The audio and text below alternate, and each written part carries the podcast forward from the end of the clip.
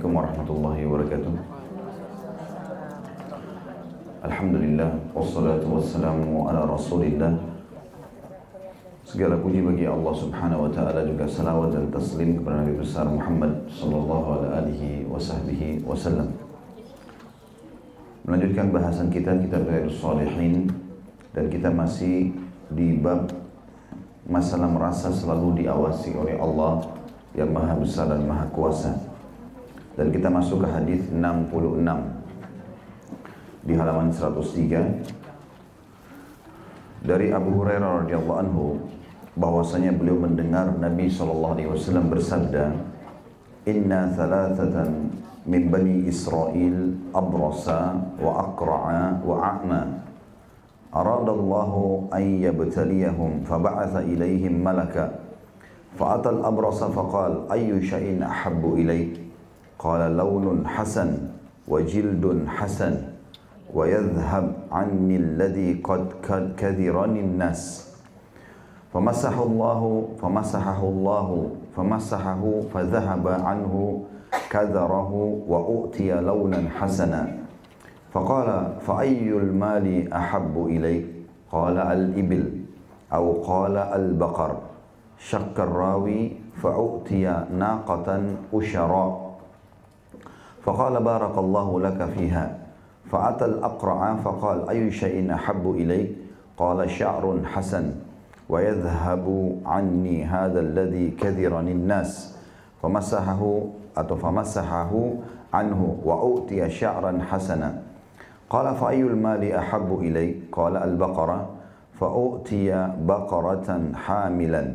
وقال بارك الله لك فيها. فأتى الأعمى فقال أي شيء أحب إليك؟ قال أن يرد الله إلي بصري فأبصر الناس. أو فأبصر الناس. فمسحه فرد الله إليه بصره. قال فأي المال أحب إليك؟ قال الغنم. فأؤتي شاة والدا فأنتج هذان وولد هذا. فكان لهذا واد من الإبل ولهذا واد من البقر ولهذا واد من الغنم. ثم إنه أتى الأبرص في صورته وهيئته فقال رجل مسكين قد انقطعت بي, بي, بي الحبال في سفري فلا بلاغ لي اليوم إلا بالله ثم بك. أسألك بالذي أعطاك اللون الحسن والجلد الحسن والمال بعيرا. أتبلغ به في سفري؟ فقال الحقوق كثيرة. فقال كأني أعرفك. ألم تكن أبرص يكذر يكذرك الناس فقيرا فعتاق الله؟ فقال إنما ورثت هذا المال كابرا عن كابر. فقال إن كنت كاذبا فصيرك الله إلى ما كنت. وأتى الأقرأ في صورته وهيئته فقال له مثل ما قال لهذا ورد عليه مثل ما رد هذا فقال إن كنت كاذبا فسيرك الله إلى ما كنت. وأتى الأعمى في صورته وهيئته فقال رجل مسكين وابن سبيل انقطعت بي الج... انقطعت بي الحبال في سفري فلا بلاغ لي اليوم إلا بالله ثم بك. أسألك بالذي رد عليك بصرك شاة أتبلغ بها في سفري. فقال قد كنت أعمى فرد الله إلي بصري فخذ ما شئت ودع ما شئت. والله ما أجهدك اليوم بشيء أخذته لله عز وجل. فقال أمسك مالك فإنما, ابتلي فإنما ابتليتم فقد رضي الله عنك وسخط عن صاحبيك. Terjemahannya, Kata Nabi SAW, sesungguhnya ada tiga orang dari Bani Israel sebelum kalian.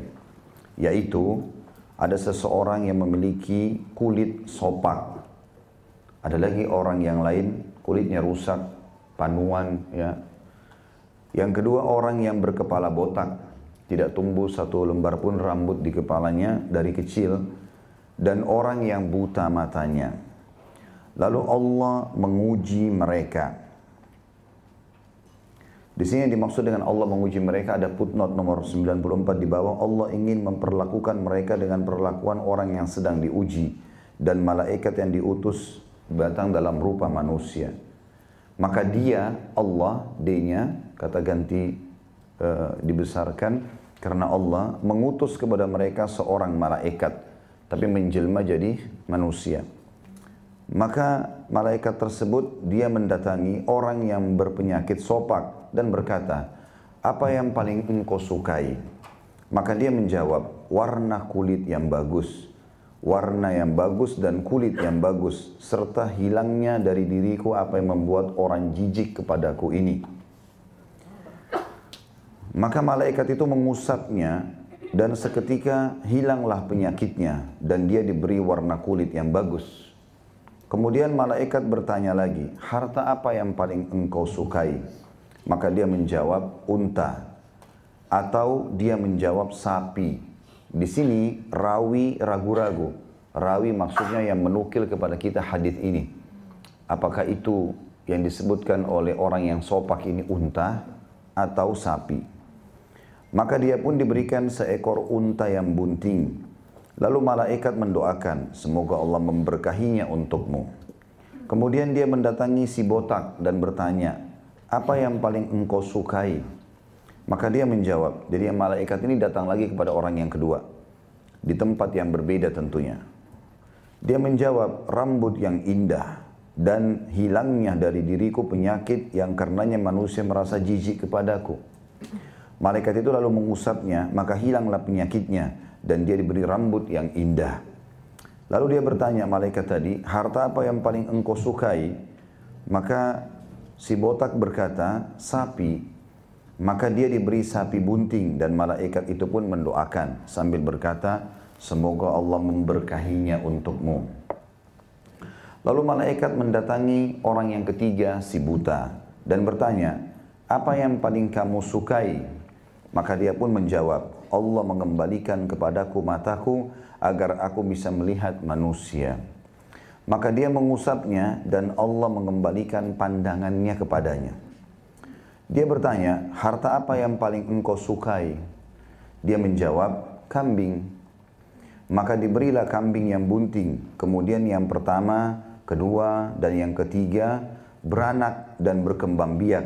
Sehingga orang yang pertama tadi, yang memiliki kulit sopak, memiliki satu lembah penuh dengan unta. Yang kedua, yang buta tadi atau yang botak tadi, juga memiliki satu lembah penuh dengan sapi. Dan yang ketiga memiliki yang buta tadi satu lembah penuh dengan kambing. Artinya menjadi kaya raya.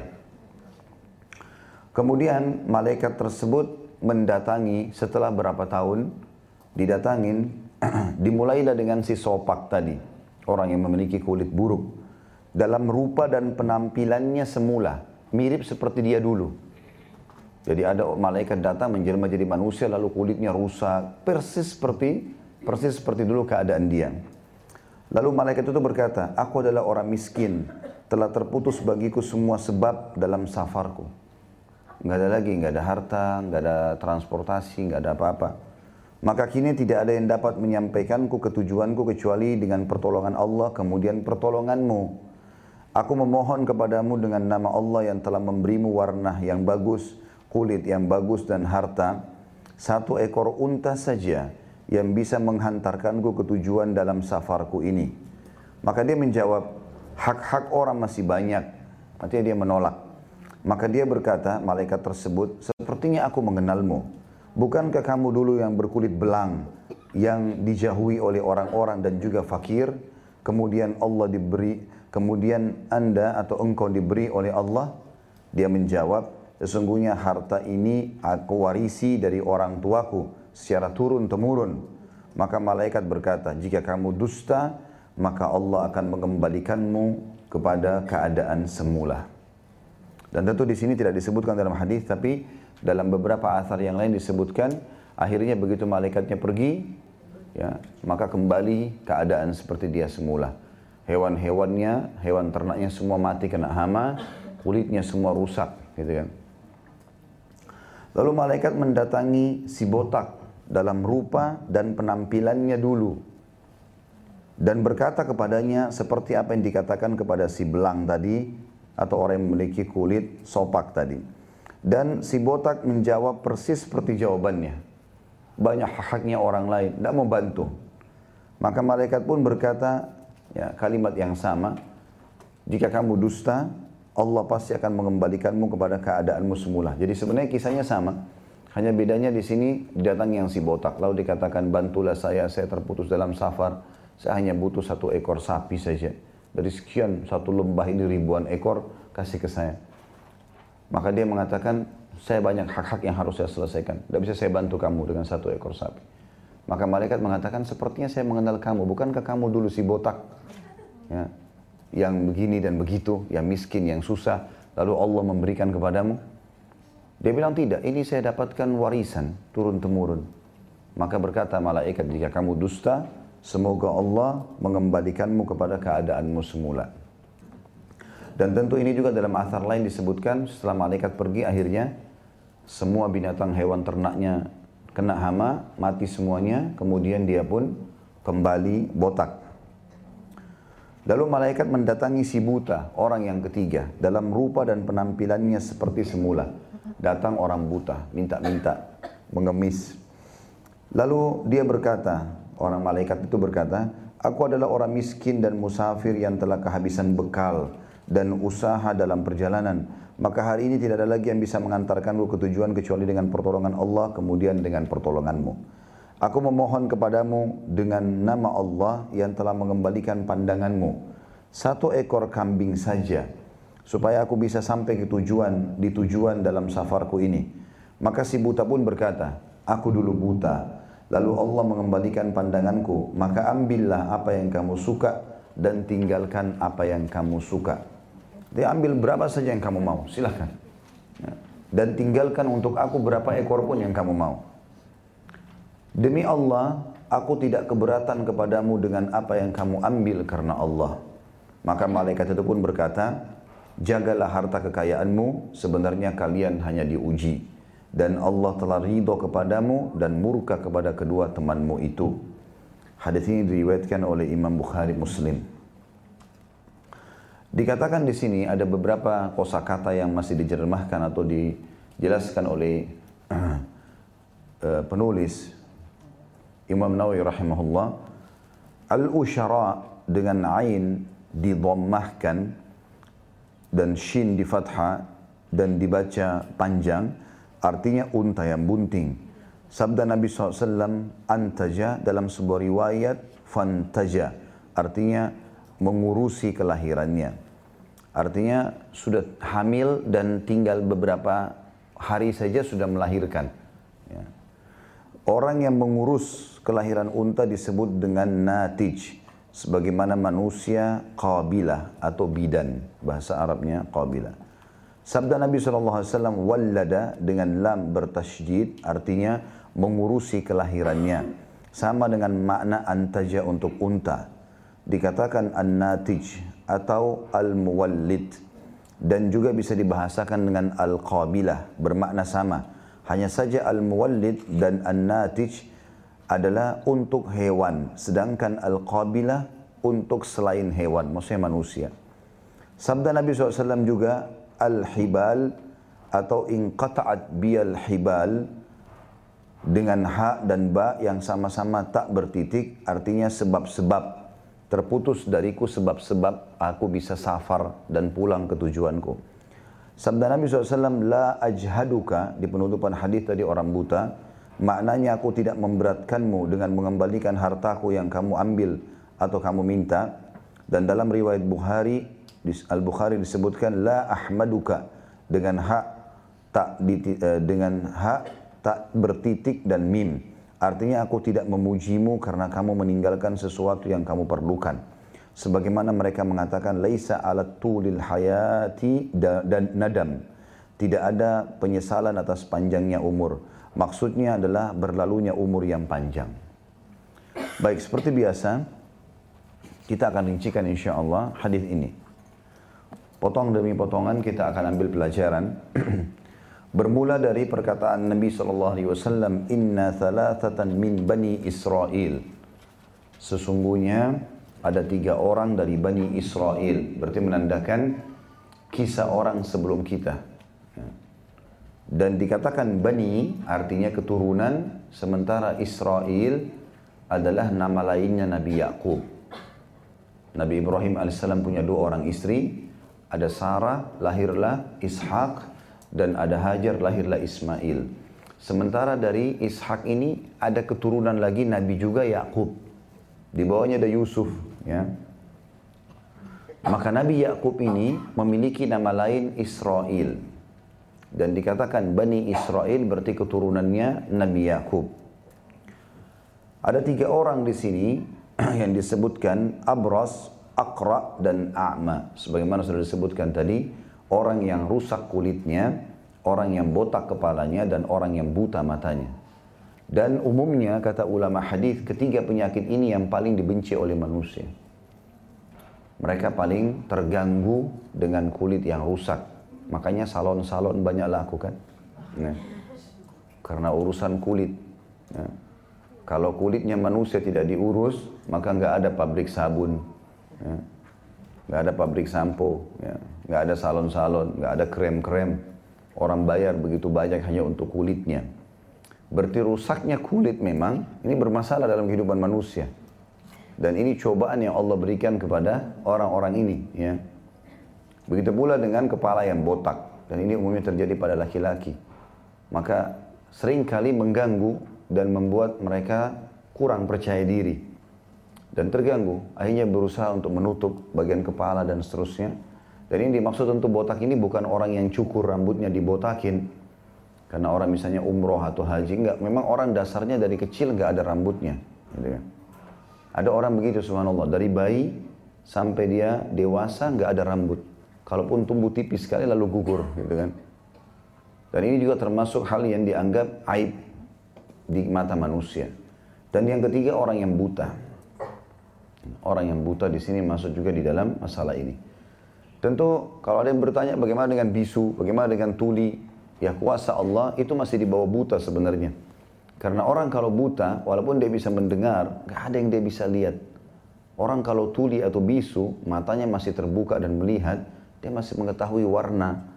Dia masih bisa melihat keindahan alam ini. Ya.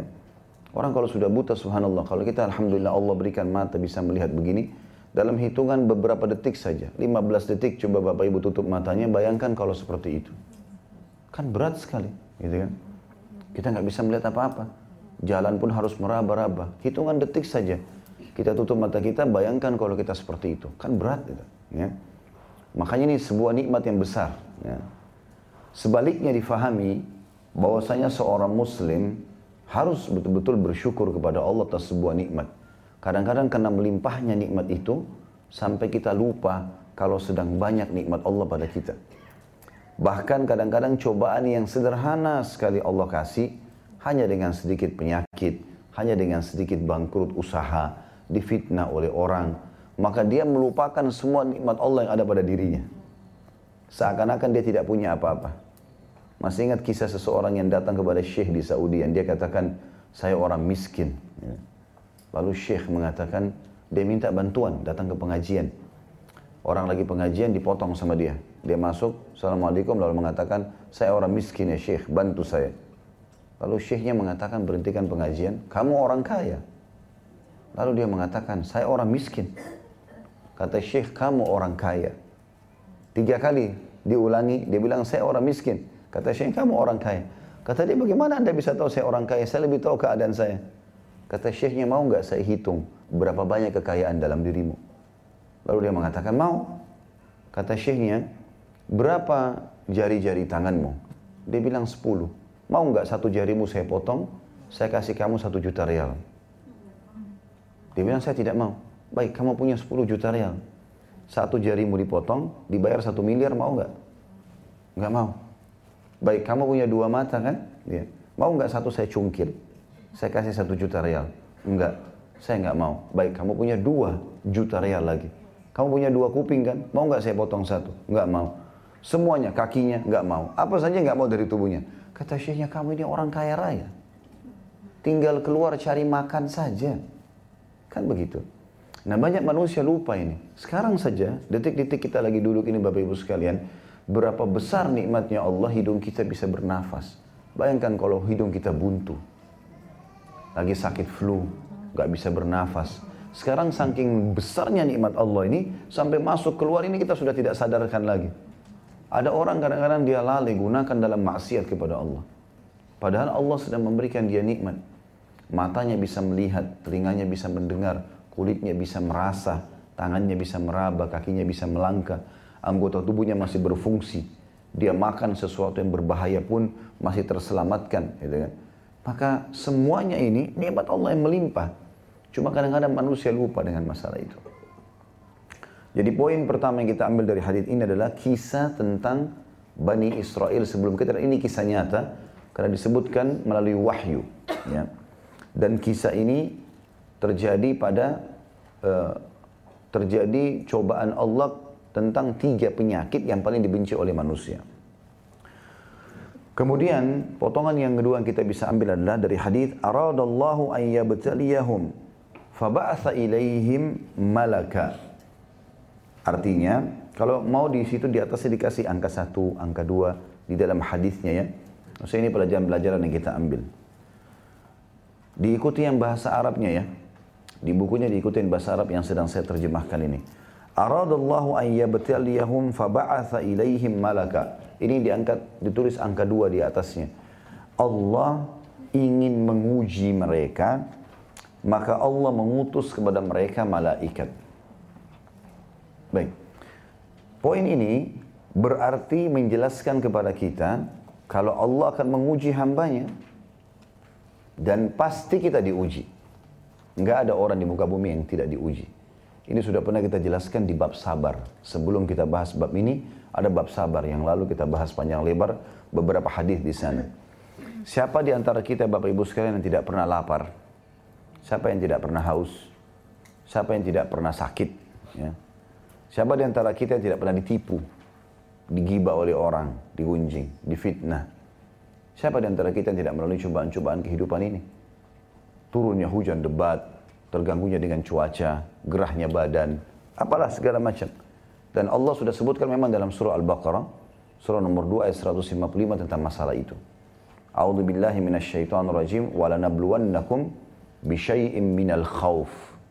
Kami pasti menguji kalian dengan sedikit rasa takut dan khawatir. Wal ju' dan rasa lapar. Wa naqsim minal amwali wal anfusi wal thamarat. Dan kekurangan dari jiwa yang kita cintai, orang yang kita cintai meninggal, kekurangan harta, kekurangan hasil panen, wa basyiris sabirin dan sampaikan berita gembira kepada orang-orang yang sabar. Alladzina idza asabathum musibatun qalu inna lillahi wa inna ilaihi raji'un. Mereka orang sabar itu yang kalau ditimpa cobaan, maka mereka mengatakan kami milik Allah, kami akan kembali kepada Allah.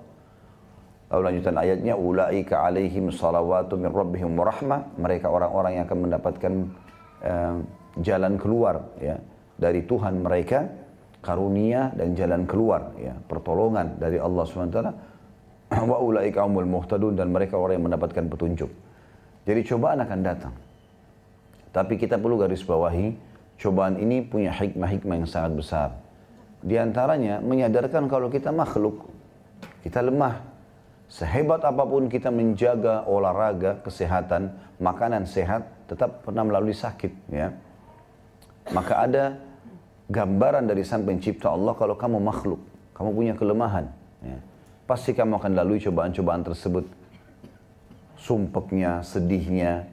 Dan itu kata para ulama adalah cara yang paling efektif menarik seorang hamba tanda kutip untuk kembali ke jalan Allah. Kalau orang lagi diuji oleh Allah dan dia tidak menggunakannya justru kembali ke jalan Allah kerugian besar buat dia. Di situlah puncaknya dia bisa berdoa, sujud, menangis, beristighfar, dan kita akan rasakan kedekatan diri kepada Allah di saat sedang ada cobaan, tidak akan kita rasakan kalau sedang ada nikmat. Kalau lagi di cobaan, ada keluarga yang meninggal, ada kehilangan harta, gangguan orang, fitnah, kita bisa nangis dalam sujud kita. Tapi begitu sudah diangkat oleh Allah, musibahnya sudah selesai, cobanya sudah selesai, maka kita mau berusaha nangis nggak bisa. Sujud lagi, minta doa sama Allah, biasa saja. Gitu kan. Maka itu ada muncul kenikmatan ya, pada saat cobaan itu datang tentunya. Juga dari sisi lain, cobaan itu akan meninggikan derajat seseorang di antara kita yang tidak bisa kita jangkau hanya dengan amal. Dan misalnya di surga itu ada kita tingkatan fasilitas di surga harus ibadah 100 tahun. 100 tahun sholat malam, 100 tahun sodokah, 100 tahun bakti sama orang tua. Umur kita cuma 60. Allah mau kita jangkau itu. Gimana caranya? Datang cobaan penyakit 10 tahun. Digunjing oleh orang, difitnah berapa kali dalam kehidupannya. Rugi dalam usahanya beberapa kali. Tapi nanti juga ada keuntungan. Karena fa'inna mal usri yusra. Tapi ada cobaan-cobaan datang itu. Kita bisa jangkau derajat yang tinggi. Ya. Kemudian juga cobaan akan membersihkan dosa-dosa yang memang tidak bisa, tidak cukup dengan istighfar. Sebagaimana sabda Nabi SAW, ada dosa-dosa nggak bisa atau nggak cukup dengan istighfar. Tapi Allah akan uji hamba tersebut dengan penyakit. Yang dengannya Allah akan bersihkan dosa-dosanya. Jadi kalau kita temukan orang tua kita sakit misalnya. Atau orang yang kita cintai sedang sakit. Dan kita lihat dia menderita. Selama dia di dunia itu kebaikan buat dia. Karena pembersihan dosa yang pernah dia lakukan yang mungkin memang tidak bisa dibersihkan kecuali dengan itu. Allah justru masih sayang dengan dia. Ya. Makanya Allah berikan cobaan-cobaan tersebut. Dan makin tinggi tingkat iman seseorang di antara kita, maka makin tinggi juga tingkat cobaannya. Hmm, pasti begitu. Makin tinggi tingkat cobaannya. Dan itu semua tujuannya bukan untuk memberatkan seorang hamba agar menjadi rem buat dia Begitu ditambah hartanya, ditambah uh, jenjang pendidikannya, ditambah apalah kebahagiaan di keluarganya, ada cobaan dari sisi yang lain. Supaya dia bisa terimbangi. Kalau tidak, manusia ini bisa lost control. Kalau tidak ada cobaan, manusia akan lost control. Akan terjadi kesombongan-kesombongan, kerusakan-kerusakan di muka bumi. Kalau orang itu dari lahir sampai dia meninggal gak ada cobaannya, maka itu dia akan lost control. Dia tidak bisa mengontrol dirinya, akan menyalahkan orang lain, menjatuhkan orang lain dan seterusnya. Ya. Maka banyak hikmah-hikmah yang terjadi dalam masalah cobaan-cobaan tersebut. Allah akan mencoba hambanya. Tapi closingnya adalah yang paling penting harus kita garis bawahi, ini semua hanya di dunia. Setelah kita meninggal di akhirat, asal tiketnya benar, iman dan amal soleh, selesai semuanya. Seorang sahabat Amr bin Jamur radhiyallahu anhu itu pincang kakinya. Waktu dia ikut berperang di perang Uhud sampai terbunuh mati syahid, maka Nabi SAW bersabda di dekat, jenazahnya sambil berkata, Aku telah diperlihatkan oleh Allah engkau di surga dengan kaki yang utuh. Nggak ada lagi itu. Cobaan nggak ada lagi. Kalau ada orang yang lahir, saya pernah kasih contoh ini di bab sabar dulu. Kalau ada orang lahir Luar biasa gitu. Matanya dua-dua buta, telinganya tuli, lisannya bisu, tangannya, kakinya semuanya empat-empatnya puntung. Seakan-akan sudah tidak berfungsi di mata manusia. Tetap nanti di akhirat dia dibangkitkan dengan jasad yang utuh dan sempurna. Ini cuma dunia. Dan ini penting sekali untuk digarisbawahi closing daripada poin tadi masalah hikmah dari cobaan ini. Bahwasanya apa pun yang datang kepada kita, dunia sebentar akan kita lalui dan tidak ada yang mustahil selama kita di dunia ikhtiarlah sebagaimana dijelaskan dalam hadis ini nantinya bagaimana Allah Subhanahu wa taala mengutus malaikat dan mengusap satu usapan saja ya dan potongan daripada yang kedua juga ini dikatakan maka Allah menguji mereka dan mengutus kepada mereka malaikat sebagian ulama hadis mengatakan bukan mustahil Allah mengutus malaikat untuk menguji hambanya walaupun di zaman kita sekarang tapi kita tidak tahu dia malaikat atau bukan. Ya. Dia datang ingin menguji, seperti kasus di sini. Meminta harta atau berbicara kah, kita tidak tahu. Allahu alam. Kuasa Allah SWT. Tapi sebagian ulama mengatakan, sebagaimana terjadi pada Bani Israel, bukan mustahil terjadi bagi kaum muslimin. Ya, dan ada di antara sahabat Nabi Ridwanullahi alaihim yang bertemu dengan malaikat. Gitu kan? Ada yang, mengucap, ada, ada yang diucapkan salam oleh malaikat. Gitu kan? Ada juga yang melihat malaikat pada saat datang mengajarkan agama ya, melalui Nabi Muhammad SAW. Ada yang menyaksikan atau mendengarkan suara di perang ya, tentang suara malaikat dan seterusnya. Kemudian dikatakan di sini satu persatu sekarang dari tiga orang yang sedang diuji ini, ini poin yang ketiga. Fa'atal abrasa faqal. Maka didatangilah orang yang sopak tadi, kulitnya rusak. Ayu syai'in habbu ilaik? Apa yang paling kau cintai, apa yang kau paling kau inginkan. Maka dia mengatakan launun hasan wajildun hasan. Warna yang bagus dan juga kulit yang bagus. Berarti memang menandakan kulit yang mulus, kulit yang bagus, yang dirawat itu adalah sebuah kenikmatan. Ya. Dan dalam Islam dibolehkan kita merawat diri. Bahkan bagian daripada sunnah Nabi SAW merawat diri. Kita tahu dalam Islam ada perintah untuk memotong kuku, mencukur bulu ketiak, mencukur bulu kemaluan, memotong kumis bagi laki-laki, menyisir rambut dengan rapi, ya, mandi, ada mandi wajib, ada mandi yang disunnahkan, ya, ada mandi yang mubah, seperti kasus misalnya mandi junub, mandi haid, mandi nifas, mandi jumat, ya. Ada mandi juga kalau orang niat mandi karena ingin menjalankan sunnah Nabi SAW seperti mandi Nabi SAW sering kali berendam di air dingin di musim panas atau berendam, berendam dengan air panas di musim dingin. Maka ini sunnah, gitu kan. Atau mubah mandi karena kita gerah saja. Walaupun sebagian ulama mengatakan sesuatu yang mubah bisa diubah menjadi sunnah. Kalau kita mandi hanya sekedar gerah, menghilangkan gerah kita, maka mubah. Enggak dosa, enggak juga dapat pahala. Tapi kalau dia niat sekaligus merawat jasad yang sedang Allah amanahkan, maka menjadi pahala tidur mubah. Tidur boleh-boleh saja ngantuk, tidur. Baik. Kalau kita mau ubah dia menjadi sunnah, bisa. Dengan cara kita niat tidur, memberikan hak badan yang sedang Allah amanahkan ini, dan supaya lebih kuat beribadah. Ya. Begitu juga makan dan minum. Bukan hanya sekedar menghilangkan lapar dan haus saja. Tapi bagaimana seseorang makan dan minum untuk memberikan hak jasad ini agar lebih kuat beribadah di jalan Allah Subhanahu wa taala. Semua bisa jadi pahala ya seperti itulah maka di sini teman-teman sekalian kalau kita bicara masalah permintaan orang ini minta agar berwarna kulit yang baik dan bersih ini memang bagian yang paling disukai oleh manusia dan sudah saya jelaskan tadi kalau Islam pun memerintahkan itu ya. Banyak hadis berhubungan dengan masalah itu ya Faqala fa'ayyul mali ahabbu ilaik. Lalu malaikat tawarkan lagi, harta apa yang paling kamu suka? Ini kita masih di nomor tiga ya. Qala al-ibil.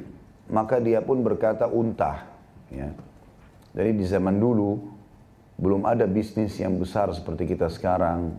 Apalagi di alam kita ini ada bisnis IT online, segala macam. Produk sudah dikemas dengan rapi. Banyak pabrik-pabrik teknologi segala macam mobil. Maka zaman dulu, zaman itu, yang paling mahal bagi seseorang adalah hewan, ternak.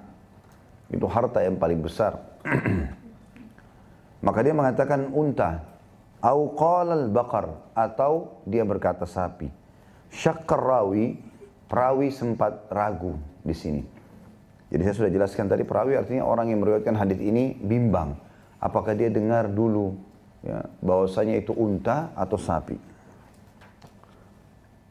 Fa'utiya naqatan usyara maka dia pun diberikan unta yang usyara. Tadi sudah kita jelaskan di kosakata di penutupan hadis tadi.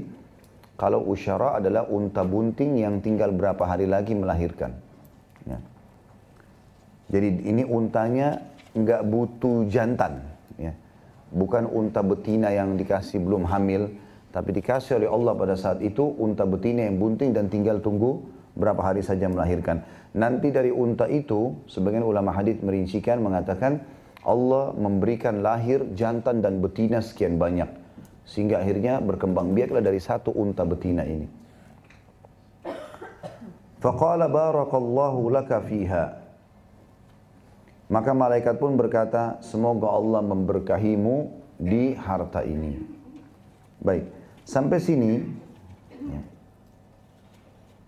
kita berikan poin nomor tiga tentunya dan Allah subhanahu wa ta'ala akhirnya mengangkat penyakit sopaknya dia jadi bersih tiba-tiba pada saat itu dengan cara malaikat mengusapnya kemudian malaikat mendoakan kepada dia kalau semoga Allah berkahi dan ini potongan yang penting sekali di kalimat terakhir. Barakallahu laka fiha.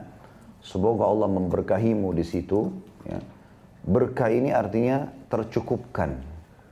Kalau kita mengatakan, semoga engkau berkahi aku ya Allah, berkahilah pernikahanku, berkahilah rumah tanggaku, berkahilah pekerjaanku. Kita minta itu sama Allah, maknanya kita minta supaya selalu saja mencukupi buat kita. Itu makna berkah. Ini termasuk sunnah Nabi SAW ya. Setiap kali kita lihat ada orang mendapatkan nikmat, apa pun itu kita mengatakan barakallahu laka kalau laki-laki dan barakallahu laki kalau perempuan. Ya. Jawabannya kita mengatakan wafika barakallah. Kalau laki-laki wafiki barakallah kalau perempuan. Semoga Allah berkahi apa yang sedang kau dapatkan sekarang. Kita jawab, semoga engkau juga diberkahi oleh Allah. Ya, wafika atau wafiki barakallah. Kemudian kita masuk ke potongan yang keempat. Ya, yang kita ambil dari hadis ini. Fa'atal aqra' Lalu kemudian didatangilah orang yang botak kepalanya tadi. Faqala ayu syai'in ahabbu ilaik? Apa yang paling engkau sukai? Qala sya'run hasanun. Ya. Rambut yang indah.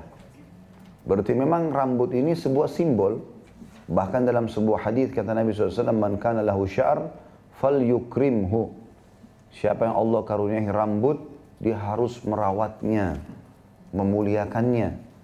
Jadi bagian dari syarat kita itu adalah membersihkan, pakai sampo, membersihkannya, mem, apalah ya, perawatan rambut tersebut. E, kemudian juga termasuk menyisirnya. Bagian daripada sunnah Nabi SAW. Pernah ada sahabat masuk masjid, laki-laki rambutnya berantakan. Lalu kata Nabi SAW, suruh orang ini sisi, keluar dari masjid, sisir rambutnya dulu dengan rapi, baru kemudian dia masuk ke dalam masjid.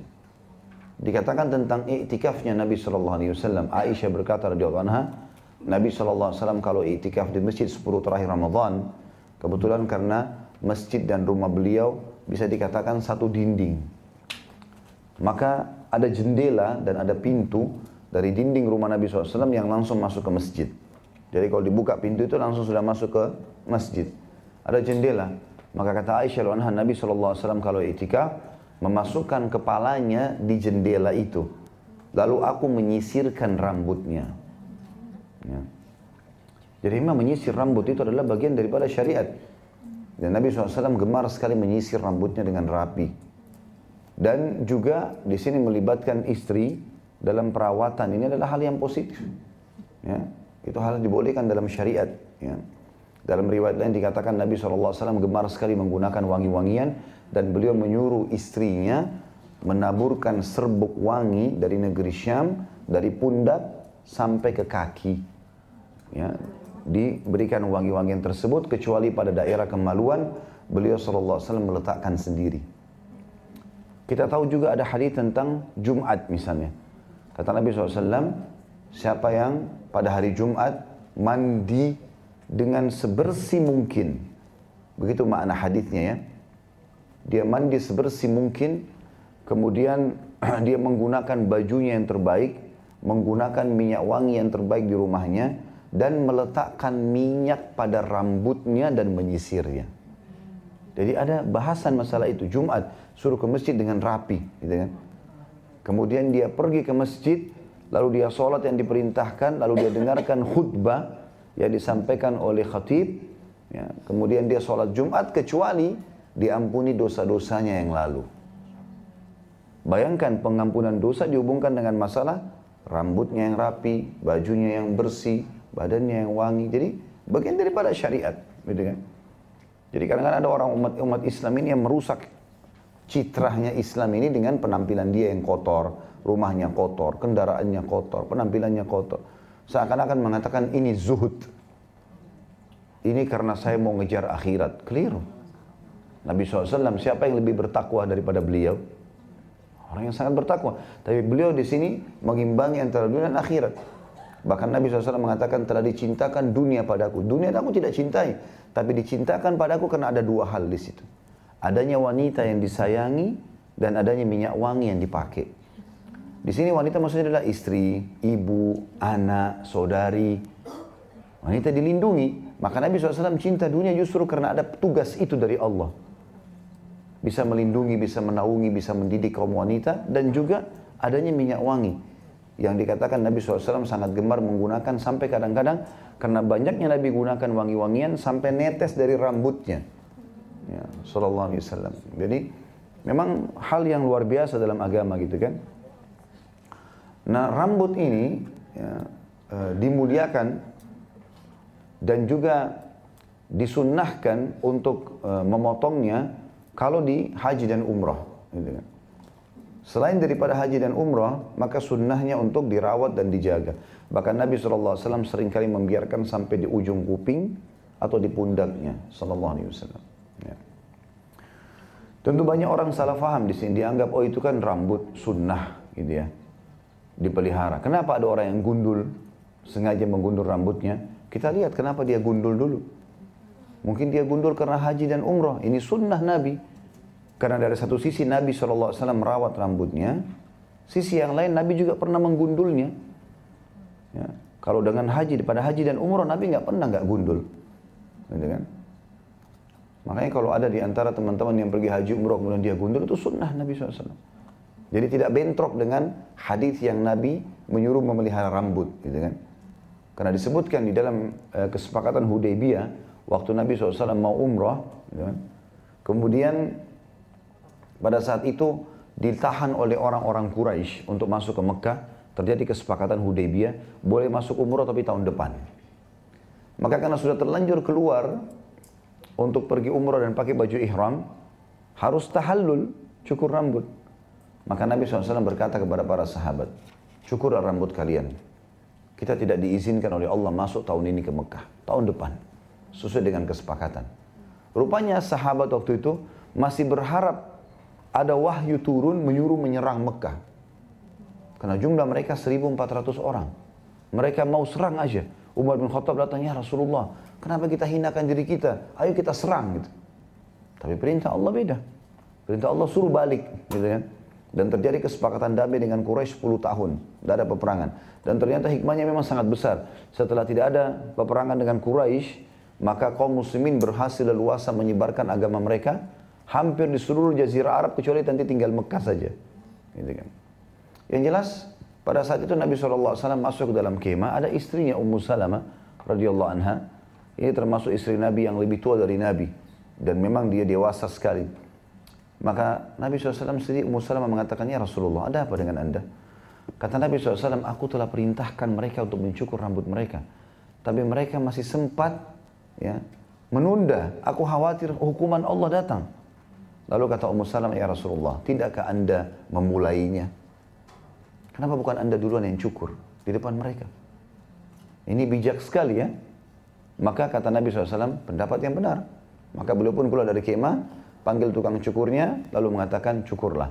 Lalu Nabi SAW gundul, mencukur seluruh rambut beliau pada saat itu. Waktu rambut Nabi sudah mulai berjatuhan, para sahabat pun berlumba-lumba mencukur rambut mereka. Sampai satu sama yang lain melukai ya karena sudah buru-buru. Nabi sudah praktekin takut masalah nih gitu. Tadinya sahabat bukan mau membangkang ya. Sahabat masih berharap ada wahyu turun. Udah ini habisin aja nih orang jahat di Mekah nih gitu. Tapi Nabi SAW mendapatkan perintah yang lain. Di sini gundul waktu haji wada juga dikatakan Nabi SAW setelah jumrah Aqabah di musim haji di Mina maka beliau memanggil tukang cukur dan menggundur rambutnya maka ini perlu digarisbawahi kita pertemukan antara dua hal ini.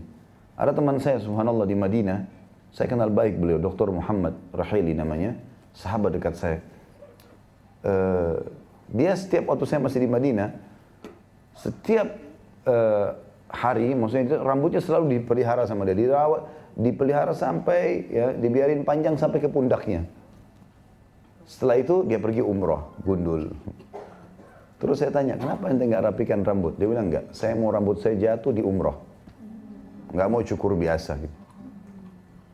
Menggabungkan antara pelihara rambut dapat pahala, gundul juga di umroh dapat pahala.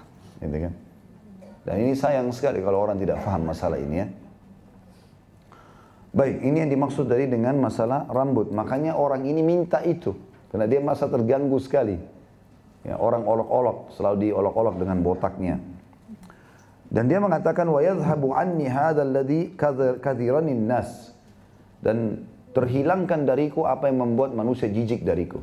Selalu menghinaku ini. Berarti memang menandakan wajar orang kadang-kadang diolok-olok itu ya, walaupun itu dosa dalam Islam tidak boleh.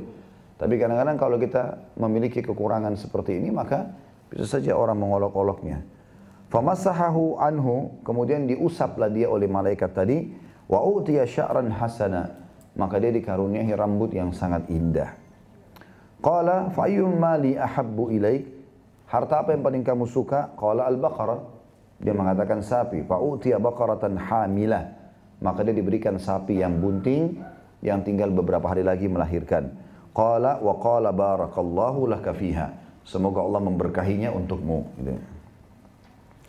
Itu potongan yang keberapa? Yang keempat. Yang keempat. Ya. Karena kan tadi yang pertama kisah tentang Bani Israel dan tiga orang yang berpenyakitan tadi yang sudah kita jelaskan bagaimana memang cobaan ini berat bagi manusia. Kemudian potongan yang kedua tentang adanya cobaan dari Allah dan Allah mengutus malaikat. Potongan ketiga tentang kisah orang yang sopak. Potongan keempat kisah orang yang botak ini. Jadi sudah berapa? Empat. Ya. Kemudian yang kelima, waqala fa'atal a'ma Kemudian yang buta juga didatangin. Faqala maka malaikat berkata, ini potongan yang kelima. Ayu syai'in ahabbu ilaik.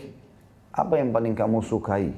Qala an yaruddallahu ilayya basari fa'ubsiran nas. Agar Allah mengembalikan penglihatan mataku dan aku bisa melihat manusia.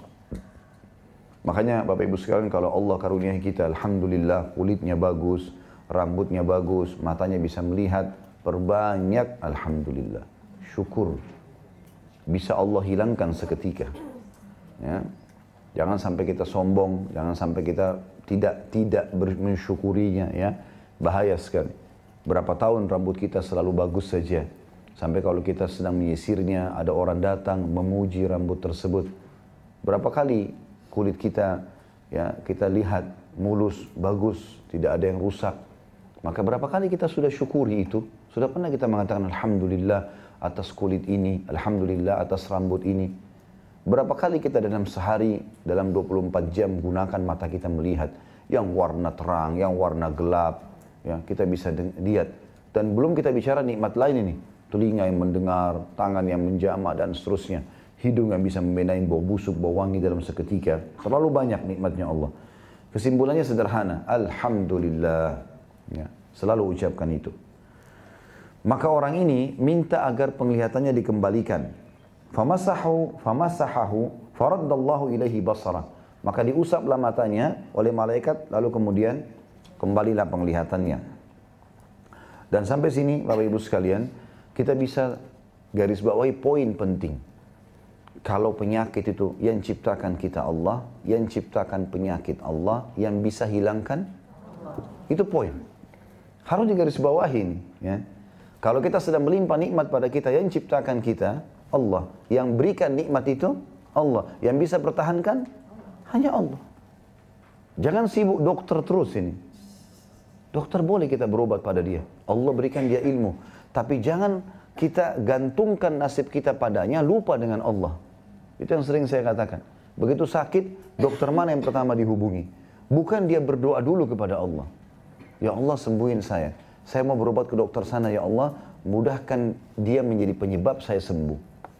Kalau kita enggak, kadang-kadang kita terus dari dokter ini ke dokter itu sudah sudah mentok 30 dokter, dokter sudah angkat tangan baru sholat tahajud. Hah? Baru mau sedekah, baru mau kembali kepada ustaz, ustazah bertanya gitu. Ini keliru. Jadi ini sebuah nikmat yang luar biasa melimpah jangan dilupakan. Kemudian dikatakan qala fa ayyul mali ahabbu ilaik? harta apa yang paling kamu suka? Qala al-ghanam. Dia mengatakan kambing.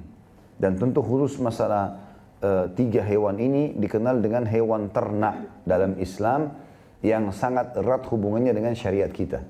Unta, sapi dan kambing atau domba. Makanya kita tahu dalam Idul Adha kita boleh berkurban hanya satu dari tiga jenis hewan ini. Begitu pula dengan akikah, hanya bisa dengan kambing dan domba. Ya.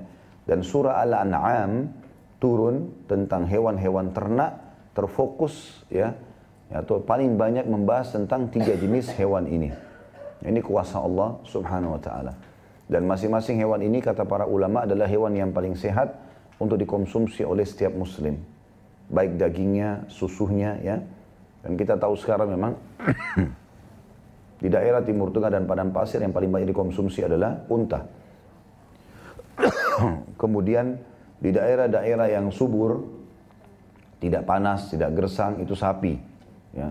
Sampai susu-susu semuanya dari sapi ya umumnya banyak dijual yang berkaleng-kaleng dan umumnya daerah panas atau daerah subur juga dikonsumsi kambing dan di antara tiga hewan ini kambinglah yang paling baik ya, sebagaimana sabda Nabi SAW sebaik-baik harta seorang muslim adalah kambing ya. fa'utiya syatan walidan fa'antaja hadhani wa wallada hadha Lalu kemudian dia diberikan kambing yang siap untuk melahirkan. Maka akhirnya melahirkanlah kambing tersebut banyak keturunan jantan dan betina. Fakana lihada wadin minal ibil. Maka yang pertama tadi yang punya unta, orang yang kulitnya tadi rusak, punya satu lembah. Jadi Allah berkahi. Dan kalau dibahasakan lembah ini luas sekali. Ya bisa ribuan ekor. Kemudian juga yang punya sapi sama walihada wadin min bakar dan juga begitu yang punya kambing walihada wadin min ganam. Dan ini tentunya di garis bawahi bisa diberikan khusus dikatakan yang ini memiliki lembah dari unta, lembah dari sapi dan lembah dari uh, kambing ini dikasih poin nomor 6. Dan ini kata ulama dikarenakan doa malaikat tadi. Malaikat mendoakan sambil berkata, ya, barakallahu laka. Semoga Allah memberkahimu pada harta itu, ya. Ini juga boleh kita mendoakan diri kita sendiri Bapak Ibu sekalian kita mengatakan Allahumma barik li. Ya Allah berkahi untukku. Ya, ini sering kita ucapkan ya. Misalnya kita lagi, uh, misal kita lagi melihat jasad kita habis mandi di cermin, ya. Setelah itu kita melihat Allah berikan kelebihan, kita mengatakan Allah mabarik lifi. Ya Allah berkahilah padaku ini, untukku ini. Kita melihat pemandangan yang indah, mata kita Masya Allah bisa membedakan, lihat warna hijau seperti ini, terang. Allah mabarik lifi. Ya Allah berkahilah aku di situ. Dan seterusnya, semuanya kita bisa lidah kita membedain mana manis, mana asam, mana pedas waktu seketika. Hidung kita bisa bedain mana busuk, mana wangi dan waktu seketika. Tangan kita masih bisa merabah dan membedakan mana panas, mana dingin waktu seketika dan seterusnya. Ya. Tubuh kita masih berfungsi setelah makan, lalu kemudian kita merasa mules sehingga kita mengeluarkan yang tidak dibutuhkan oleh tubuh yang sudah rusak. Itu semua berkah dari Allah Subhanahu wa taala yang harus kita bersyukur dan juga kita meminta agar Allah memberkahi artinya Allah mencukupkan selalu ada pada kita fasilitas itu. Kemudian teman-teman sekalian dikatakan di sini berkah artinya Allah akan perbanyak dan Allah akan cukupkan. Kita masuk ke poin yang ke tujuh. Thumma innahu atal abrasa fi suratihi wa hayatihi. Kemudian malaikat datang kepada orang yang kulitnya rusak tadi, datang dalam poster dia, sama dengan keadaan dia dulu. Kulitnya rusak. Dan ini menandakan pelajaran di sini, kalau malaikat bisa menjelma sesuai dengan yang Allah inginkan. Kita tahu di zaman Nabi SAW, Jibril alaihissalam kali menjelma menjadi poster sahabat yang bernama Dihya al-Kalbi radhiyallahu anhu. Dia ini orang yang sangat tampan, sangat baik ibadahnya. Tapi sahabat tidak bisa bedakan mana Dihya, mana Jibril. Gitu kan? Seperti pada saat uh, selesai perang Ahzab dan Nabi SAW karena lama 43 hari sekian dikepung oleh orang Quraisy. Maka beliau merasa letih dan beliau ingin mandi. Begitu buka baju perangnya, lagi mau mandi, lalu kemudian Aisyah berkata, "Anha, ada seseorang mengetuk pintu atau saya buka ternyata dia dihyal kalbi. Lalu dia berkata, di mana Rasulullah? Kata aku berkata, dia akan membersihkan tubuhnya. Tolong sampaikan, kata Dihya, ada hal yang penting aku ingin bertemu. Lalu Aisyah pun memanggil Nabi SAW, Nabi pun keluar. Begitu Nabi keluar, Nabi SAW faham kalau ini bukan Dihya dari perkataannya. Dalam hadis Bukhari dia mengatakan, Hai Muhammad, apakah kalian sudah membuka baju-baju perang kalian? Sementara kami dari kalangan malaikat belum membuka baju kami sampai kami tiba di benteng itu. Ditunjuk bentengnya orang Yahudi yang berkhianat namanya suku Quraidah. Maka Nabi SAW pun lalu lalu dia pergi jalan. Dia menggunakan kuda, di atas pelananya ada beludru berwarna biru dalam hadis dikatakan. Maka pada saat itu Nabi SAW pun memakai baju perangnya kembali, kemudian beliau eh, mengiklankan kepada para sahabat, siapa yang beriman pada Allah di akhir, maka jangan dia sholat asar kecuali di bentengnya Quraidah. Maka sahabat pun akhirnya pergi ke sana. Ya, berkumpul semuanya di sana. Dan Nabi SAW setiap kali jalan bertanya, adakah orang yang kalian lewat, lihat lewat di sini? Kata para sahabat, tadi ada Dihya al-Kalbi lewat di sini ya Rasulullah. Dihya nama orang, al-Kalbi nama sukunya ya. Maka kata, dan dia menggunakan kuda, di pelananya ada bludur warna biru. ya Kain bludur warna biru. Maka kata Nabi SAW, itu Jibril mengajak kalian menuju ke suku Quraidah. Jadi, memang kuasa Allah subhanahu wa ta'ala. Bisa saja seperti itu ya. Ada juga sahabat yang melihat malaikat tapi dalam bentuk cahaya. Tidak menjelma menjadi manusia. Seperti kisah Usaid bin Khudair radhiyallahu anhu yang sedang mengaji di malam hari, lalu dia melihat kudanya merontak. Kalau dia berhenti ngaji, kudanya berhenti. Dia ngaji lagi, merontak lagi kudanya sampai tiga kali. Akhirnya dia mengatakan, saya pun mengangkat kepala saya ke langit dan saya melihat cahaya putih menembus langit. Ya. Maka saya pun melaporkan itu kepada Nabi SAW. Ya Rasulullah ada kejadian seperti ini. Kata Nabi SAW, Hai Usaid, andai saja engkau membaca Quran sampai terbit matahari, sampai pagi hari, maka seluruh penduduk Madinah akan melihat malaikat yang datang mendengarkan bacaan Quranmu. Ya. Jadi ada yang mendengarkan, ada yang datang, seperti itulah. Ada juga di antara sahabat yang mendengarkan salamnya ya, malaikat. Dan ditanya kepada Nabi SAW, Nabi mengatakan itu malaikat yang mengucapkan salam dan seterusnya. Ya. Jadi memang malaikat bisa menjelma dengan kuasa Allah subhanahu wa ta'ala. Dengan kuasa Allah subhanahu wa ta'ala. Jadi tadi awalnya waktu datang menjelma jadi manusia umumnya. Sekarang yang kedua sebagai cobaan datang menjelma persis seperti keadaan dia. Faqala rajulun miskinun kad qata'at biyal biyal hibalu fi safari. Aku seorang yang miskin dan butuh sekali untuk dibantu karena semua fasilitas safar udah nggak ada. Nggak ada makanan, nggak ada transportasi, nggak ada harta. Fala balagha liyal yauma illa billahi thumma bik. Tidak ada lagi yang bisa membantu aku hari ini kecuali Allah, lalu kemudian kamu. As'aluka billadhi a'taka al-lawn al-hasan. Jadi disebutkan nikmat yang pernah Ya, yang sekarang dia sedang rasakan. Aku meminta atas nama Allah yang telah memberikan kepadamu kulit yang mulus ini. Nah, ini tadi kepada orang yang kulitnya rusak ya. wal jildal hasan dan kulit yang indah, wal mal dan harta yang melimpah. Ba'iran satu ekor saja unta ataballagu bihi fi safari yang aku gunakan dalam safarku. Faqala al-huququ kathirah. Lalu kemudian orang itu pun menjawab mengatakan masih banyak hak-hak yang saya harus kasih atau keluarkan. Ini tanda-tanda ciri orang bakhil, pelit. Seorang muslim tidak akan pernah menolak orang yang minta. Kasih. Orang minta, kasih.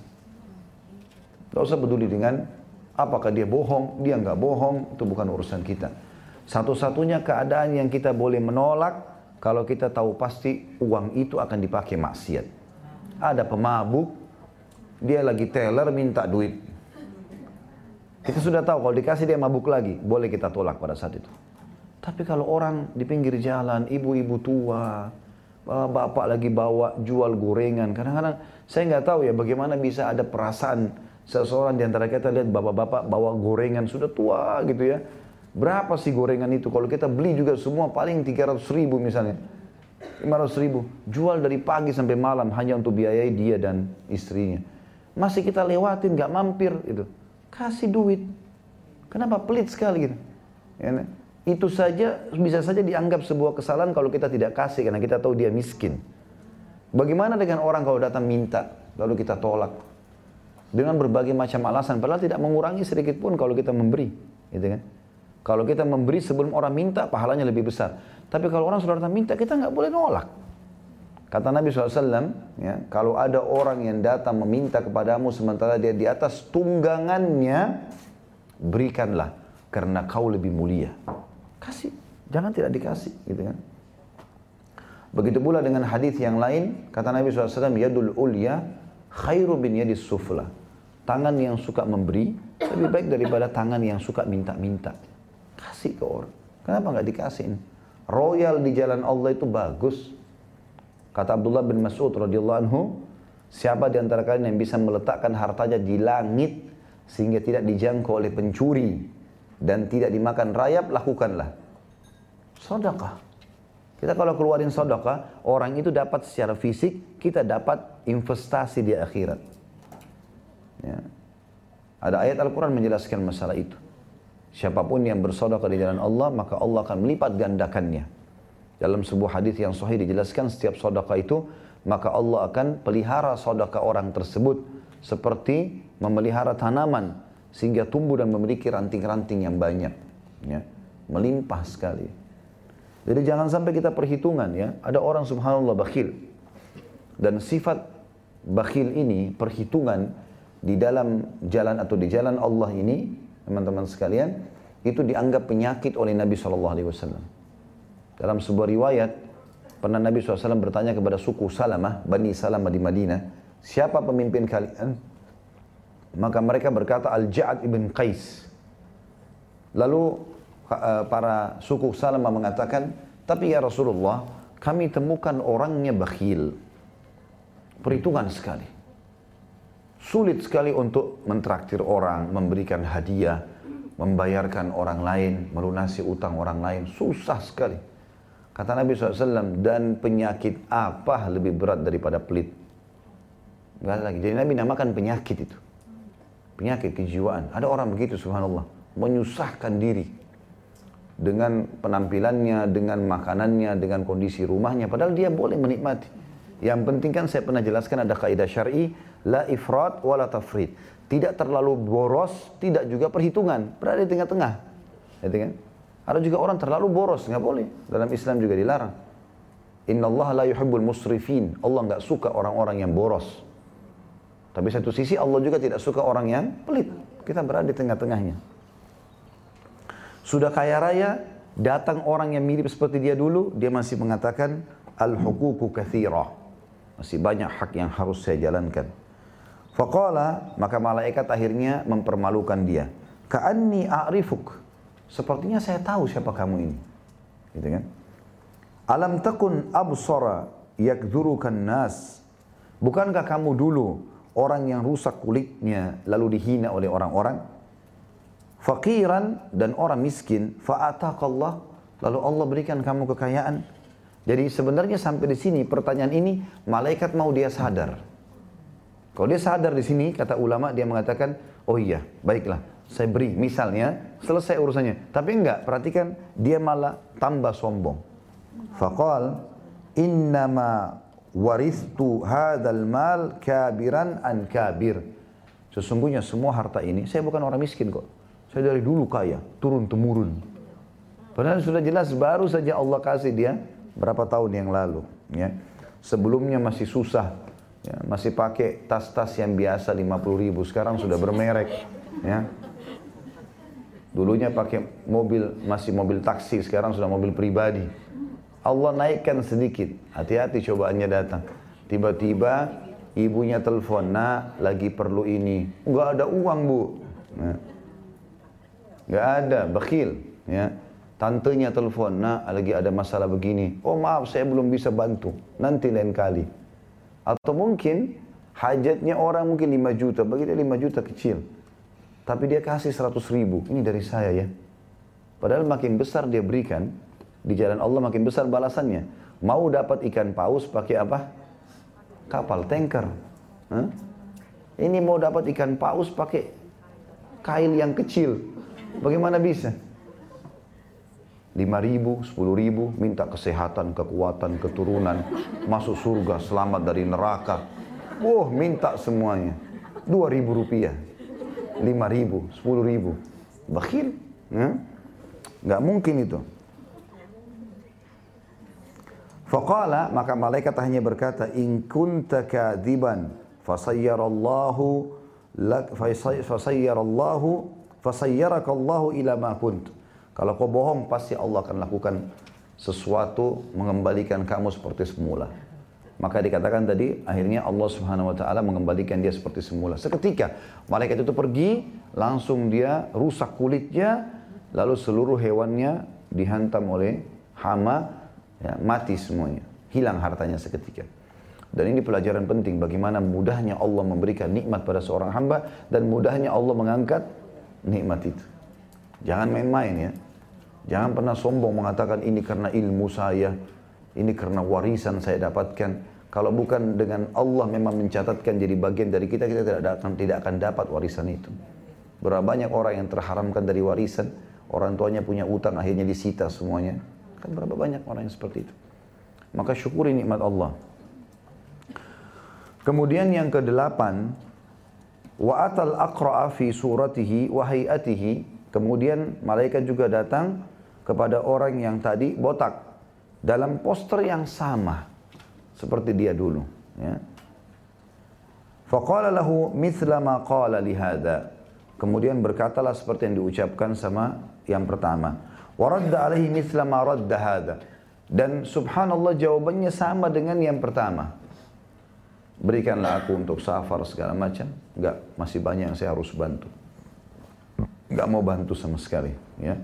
Berapa banyak hati-hati ya. Ini saya sering lihat ada orang subhanallah banyak kendaraannya. Kerabatnya datang dari kampung enggak mau dibantu dengan kendaraan. Ini enggak mau dibantu dengan tunjukkan jalan. Nginap aja di rumah, dikasih kamar apa adanya saja. Atau kadang-kadang bahkan dia carikan hotel, tidak usah nginap di rumah deh. Dari kampung kotor-kotorin rumah. Nah. Ada kadang-kadang orang subhanallah, dia lupa kalau dia dulu begitu. Dia juga dulu dari kampung. Gitu kan. Sama, begitu injak Jakarta luar biasa sombongnya. ya. Hati-hati ini ya. Ini bahaya sekali. Maka ini bisa mendatangkan unsur yang sama nanti. Allah bisa angkat nikmat itu. Karena dia menjawab hal yang sama, maka malaikat mengatakan, In kunta kadiban fasayyarakallahu ila ma kunt. Kalau kau bohong, pasti Allah kembalikan keadaanmu. Begitu malaikatnya pergi, dia kembali gugur semua rambut yang indah itu, lalu kemudian seluruh hewan ternaknya mati. Ya. Jadi miskin tiba-tiba. Dan ini hati-hati kalau sudah datang begini dari Allah SWT, Allah angkat maka sulit sekali untuk kembali ya. Dia pun tobat melalui proses ya. Maka jangan tunggu itu datang, cobaan itu datang. Yang terakhir, yang kesembilan ya, wa atal a'ma fi suratihi wa hayatihi dan kemudian malaikat datang kepada orang yang buta dengan gambar yang sama. Maksudnya di sini yang terakhir tadi yang kesembilan di sini bukan yang terakhir dari poinnya, masih ada tambahan sebentar ya. Faqala rajulun miskinun wa ibnu sabil maka malaikat yang menjelma menjadi orang buta itu berkata, aku adalah orang miskin dan orang yang terputus jalan. Ibnu Sabil. In qata'at biyal hibalu fi safari. terputus dariku segala hal yang dibutuhkan dalam safar. Makanan, transportasi, uang dan seterusnya. Fala balaga liyal yawma illa billahi thumma bik. Gak ada lagi yang bisa menolongku hari ini kecuali Allah lalu kemudian kamu. As'aluka billadhi radda alaika basarak. Aku memohon kepada Tuhan yang telah mengembalikan pandangan matamu. Syatan, satu ekor kambing, ataballagu biha fi safari. Yang bisa aku jadikan bekal dalam safarku. Faqala, maka si buta di sini pintar, cerdas. Dia mengambil pelajaran dari kejadian dia dulu. Dia mengatakan, Qad kuntu a'ma. Dulu aku juga buta seperti kamu. Faraddallahu ilayya basari maka Allah kembalikan pandangan mataku. Fakhud ma syi'ta wada'. Ambil berapa ekor pun yang kamu mau dan tinggalkan berapa ekor pun yang kamu mau untuk saya. Jadi di sini luar biasa ya. Dia bukan kasih ini duit buat kamu, enggak. Kamu butuh berapa silakan ambil, enggak. Apa? Ini. Kamu butuh berapa? 5 juta bisa dikasih 5 juta enggak. Jadi seperti kita punya berangkas, dipanggil orang miskin itu, nih ambil yang kamu suka, terserah berapa, sisain buat saya terserah. Bisa nggak kira-kira? Atau ada orang miskin minta makanan di luar, kita ajak ke meja makan, makan sepuasnya. Ada sisanya nanti saya makan. Kira-kira bisa nggak? Itu luar biasa itu, ya. Luar biasa. Dan ini perlu dites dalam hidup kita. Coba sekali kita memberikan orang dengan kita mengalah. Lagi pengen makan, kita dahulukan orang makan dulu. Termasuk adab dalam syariat, kalau ada tamu, maka tuan rumahnya yang paling terakhir makan. Sudah diamalin belum? Banyak orang begitu ada tamu, ada tamu. Nanti kalau sudah bangun suruh makan, tapi dia sudah lebih dulu makan dua piring. Adabnya begitu. Bahkan kata Nabi SAW, penuang minuman satu kaum, dialah yang paling terakhir minum. Dia tuan rumahnya. Dahulukan tamu, gitu kan. Seperti itulah. Tapi apakah ini sudah diamalkan oleh orang atau tidak? Ini luar biasa dalam sodakahnya si buta ini. Dengan penuh keyakinan, kalau Allah subhanahu wa ta'ala pemberi rezeki. Sebagaimana datangnya dulu, tidak punya apa-apa, akhirnya sekarang menjadi kaya raya. Dan bahasa ini tinggi sekali ya. Ambil yang kamu mau, sesukamu, tinggalkan sesukamu yang kamu tinggalkan. Fawallahi bukan cukup sampai itu, dia masih bersumpah demi Allah dia bilang si buta. Ma ajhaduka ma ajhaduka al-yawma bi syai'in akhadtahu lillahi azza wajal. Demi Allah, aku tidak akan pernah menghardikmu apa yang kamu ambil untuk Allah. Artinya, biar kau ambil seluruh hartaku ini, satu lembah semua kambing kamu ambil karena Allah, aku tidak akan melarangmu. Jadi bukan cuma sekedar membatasi. Awalnya dia bilang, ambil yang kamu suka, tinggalkan sebagian yang kamu suka. Tapi demi Allah, kalaupun kau ambil semua, aku tidak akan menyalahkan kamu. Ini bahasa yang tinggi sekali. Faqala, maka malaikat langsung merespon. Amsik malak. Tahan hartamu. Saya tidak butuh itu. Fa inna mabtulitum. Sesungguhnya kalian telah diuji oleh Allah. Faqad radiyallahu anka dan Allah telah ridho kepadamu wasakhita an sahibaik dan Allah murka kepada kedua temanmu ya kata sebagian ulama diambil pelajaran dari kata di sini faqat radiya ya faqat radiyallahu anka Allah telah ridho kepadamu makna ridho itu begini memahaminya jadi kalau misalnya ada orang minta tolong sama kita Bu, Pak, tolong bantu saya baik butuh saya butuh 5 juta rupiah. Kita kasih dia 5 juta rupiah misalnya. Maka itu kita bantu dia, tapi belum kita buat dia ridho. Ridho itu gini, merasa puas luar biasa, ya, dan betul-betul di atas kebutuhan dia. Misal, saya betul-betul sakit, anak saya sakit, butuh uang 5 juta ke rumah sakit. Baiklah, ini 5 juta saya kasih, tinggal di mana? Oh saya masih kontrak di sana. Kita telusuri terus hidup dia apa ini satu, dua, tiga, empat, lima, lalu kita jadikan sebagai kantong amal jariah kita. Baik, kita sudah tahu alamatnya, kita sudah tahu ini dan itu keadaannya, semuanya kita biayai. Dianya, anaknya yang lain, sekolahnya, apalah berasnya tiap bulan.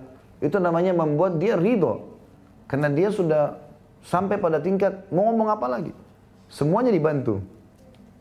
Nah itu maknanya ridho. Ya. Karena dia tadi memberi kepada orang miskin ini, ambil yang kau mau terserah. Maka mendatangkan ridhonya Allah subhanahu wa ta'ala. Ya, dan ini yang dikerjakan oleh sahabat Nabi yang mulia, Abu Bakar radhiyallahu anhu. Setiap ada kumandan sodaka, jihad, selalu apa yang dia punya disodakain semua. Gak pernah ditahan gitu. Tentu masih ada aset-asetnya, rumah segala macam, tapi yang subhanallah yang dia pegang kalau orang minta dikasih semua. Ya, dikasih semua.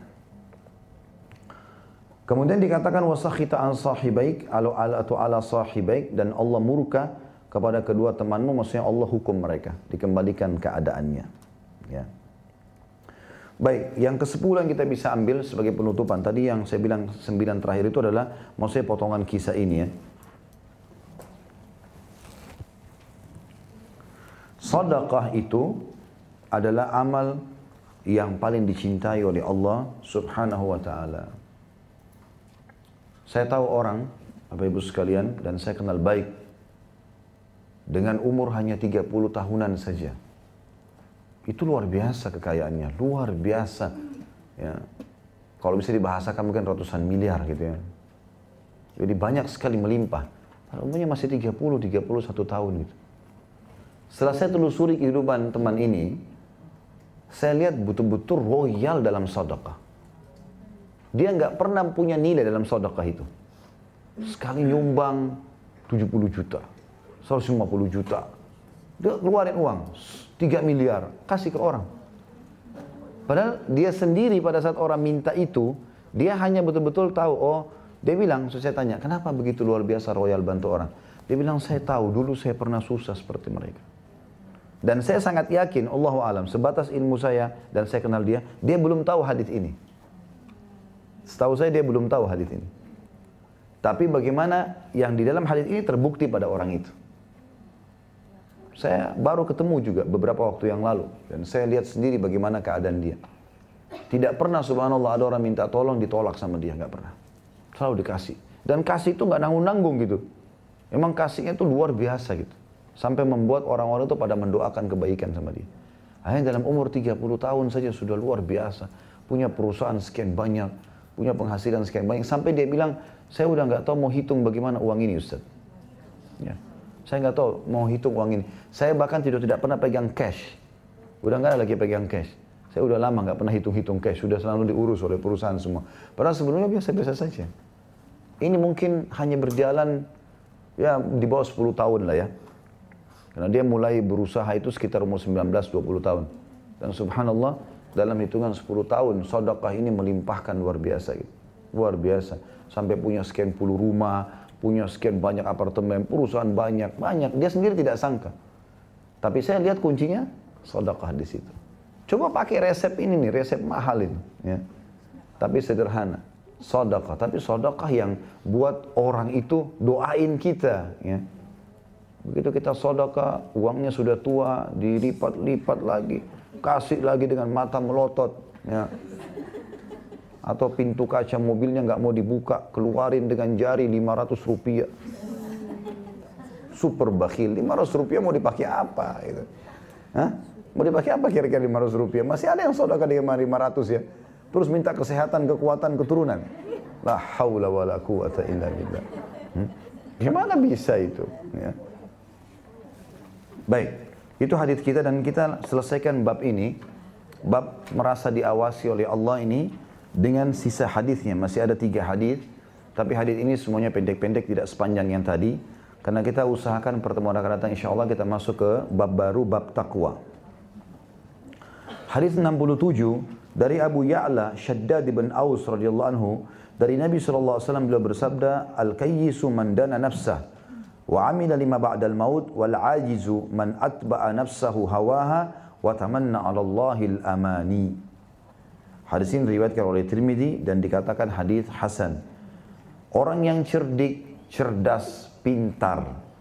Kata Nabi SAW adalah orang yang menghisap dirinya dan beramal untuk bekal setelah mati. Sedangkan orang yang lemah, bodoh, adalah orang yang mengikuti jiwanya kepada nafsunya dan banyak berangan-angan kepada Allah.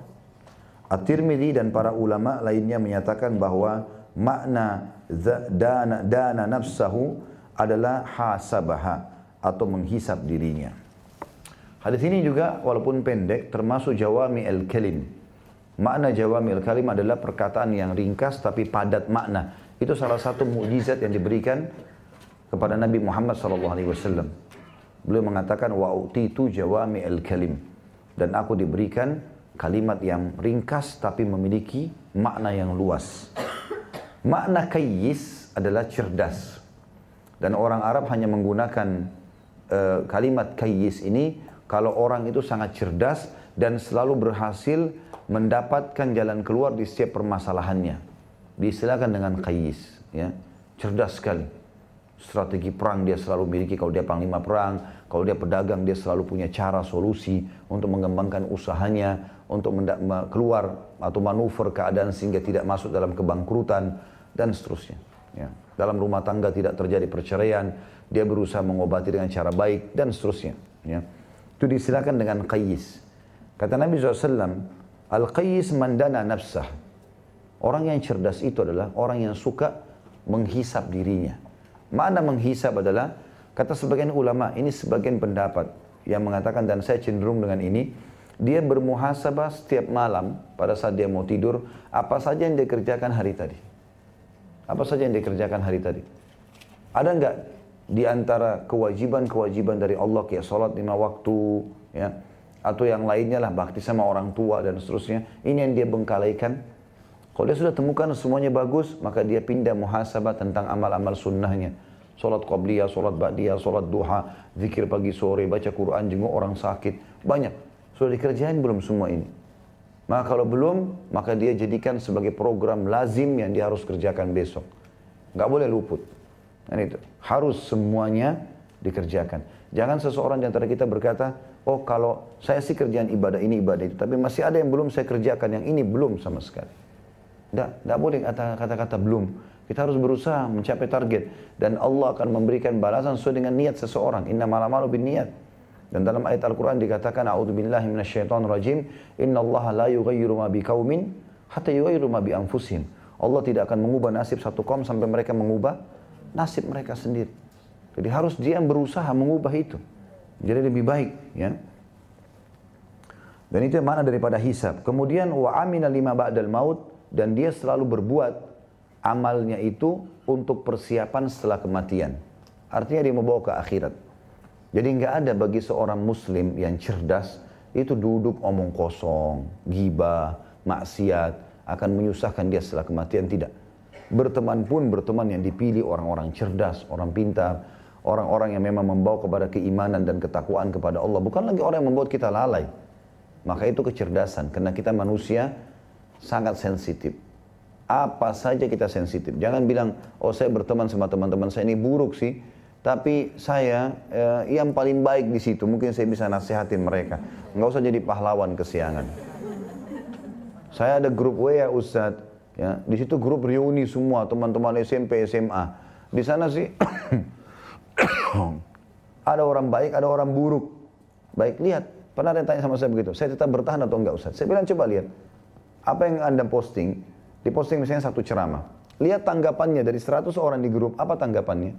Kalau 70 orang semuanya olok-olok kita, oh soalim lah, apalah segala macam, atau ternyata mereka kirim posting saingannya itu, malah kirim yang tidak baik, lalu 30 postingan yang tidak baik. Keluar dari grup itu. Ngapain di situ? Nggak ada gunanya itu.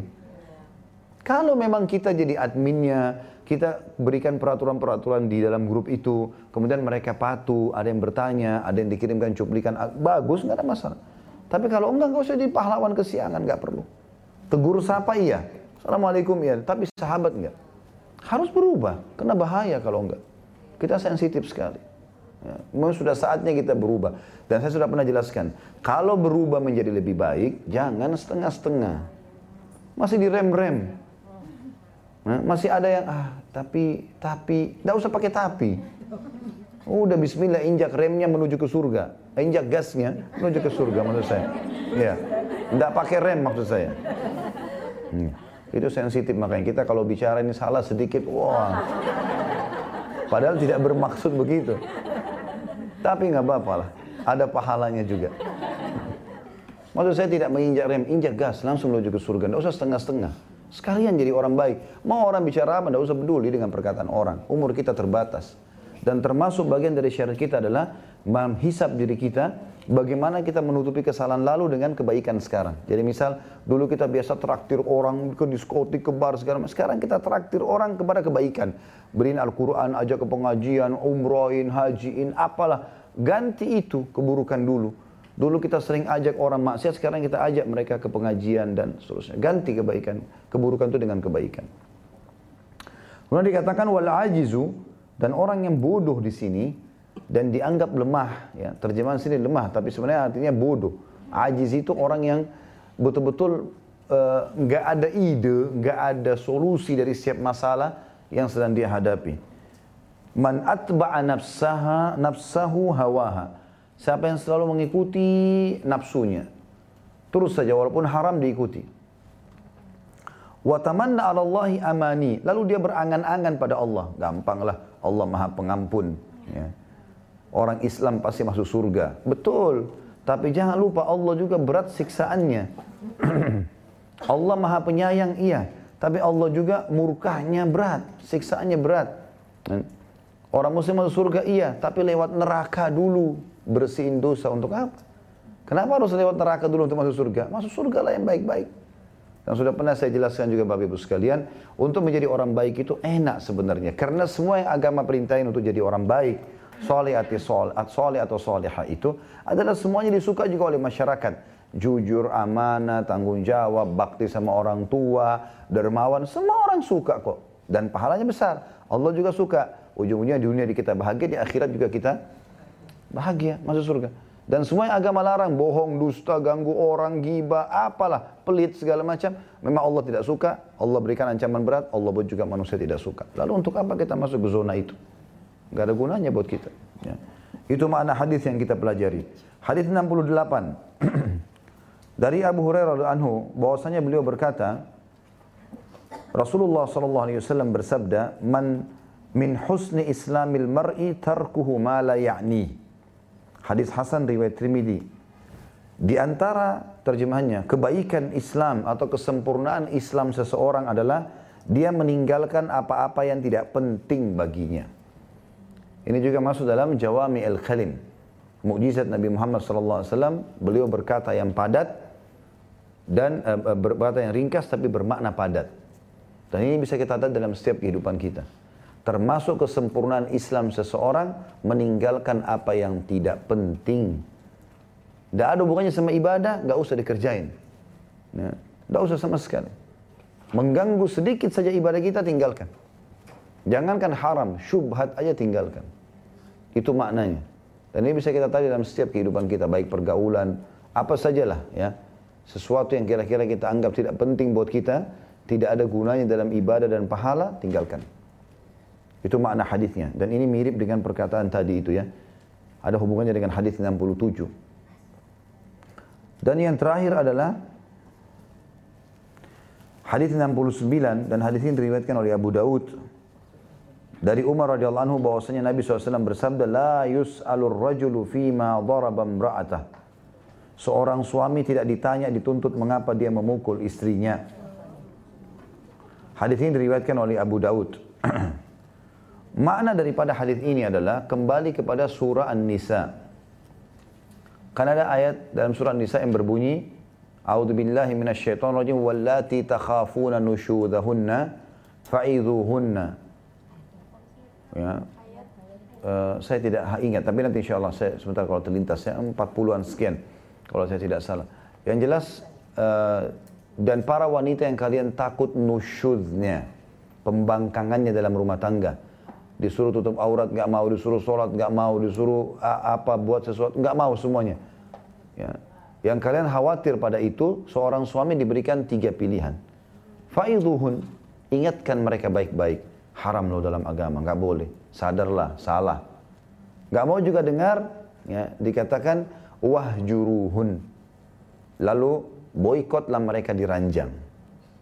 Jadi eh, tidak diajak ngomong, tidak digauli, ya, tidak dicumbuin segala macam.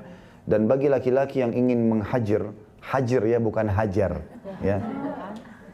Jadi pakai e bukan a. Hajar ini memboikot diranjang. Ya. Iya. Jadi menghajar dia.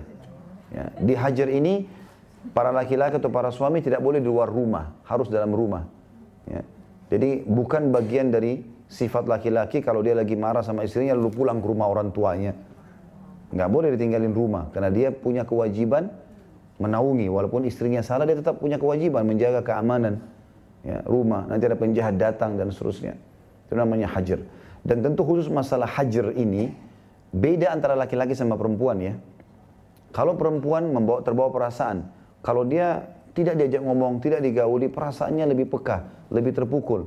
Kalau laki-laki keliru, ibu-ibu jangan pernah menghajar suaminya. Dia tambah pergi. Ya. Laki-laki terbalik. Malah dalam hadis dikatakan wanita ahli surga wanita yang kalau dia menyakiti suaminya dia datang kepadanya. Ya. Lalu dia mengatakan, aku tidak bisa tidur kecuali kau sudah ridho kepadaku. Artinya dia memang merangkul karena suami makin didatangin maka makin berefek. Tapi kalau makin dijauhi makin masalah, gitu kan? Beda. Ini untuk perempuan. Kemudian kalau memang tetap nusyud, tidak mau sama sekali dengar, dia selingkuh sama laki-laki, dinasihatin nggak mau, dia tidak sholat, tidak mau, tutup aurat, nah, semua nggak mau. Ya.